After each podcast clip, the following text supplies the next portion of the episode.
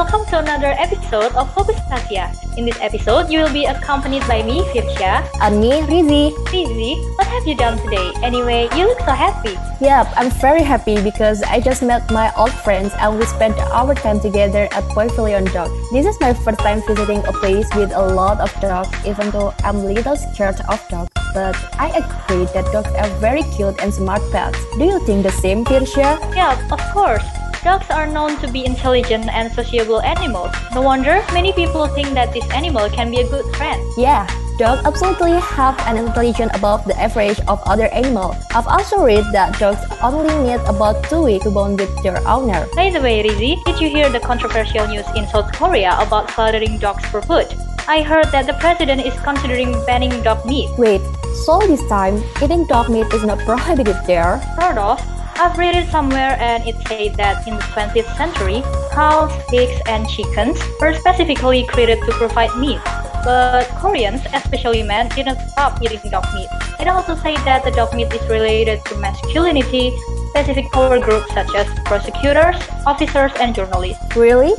I think young Koreans have no reason to eat dog meat because nowadays beef, pork, chicken, lamb, and many more are easily purchased in South Korea, right? Yeah, actually, it's true that historically people have been eating dog meat there. But these days, particularly the young generation, they hate it. So the culture is changing. Wait, I think I've read an article about the former Manchester United player, Park Ji-sung, asked the club supporter and fans to stop singing offensive chants that contain a reference to Koreans eating dog meat, explaining that the negative stereotype makes South Korea player uncomfortable. Yeah, I've read about that too.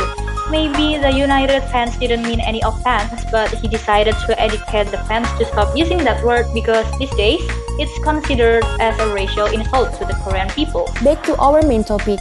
How do Korea people react to the news that say the president considers banning dog meat? Well, there is a recent poll commissioned by Animal Welfare Group Aware and the results say 78% of respondents believe that the production and sale of dog and cat meat should be prohibited, and 49% support a consumption ban. Since last year, South Korea has had planned to change its laws, recognizing animals as creatures that have the right protections, welfare promotion, and respect for life. Yeah, seeing that dogs have been considered like human friends, I think the Korean president's decision to ban eating dog meat is a human thing. However, this policy has the potential to destroy the livelihood of dog meat sellers. Of course, that's why 59% of respondents agree that there is a legal limit in slaughtering dogs for food. Hopefully, this policy will be fixed soon, and of course, this is the policy of the Seoul government will be well received by the public. Yeah, I hope so. And listeners, I guess that's all for today and see you in the next episode. Bye bye.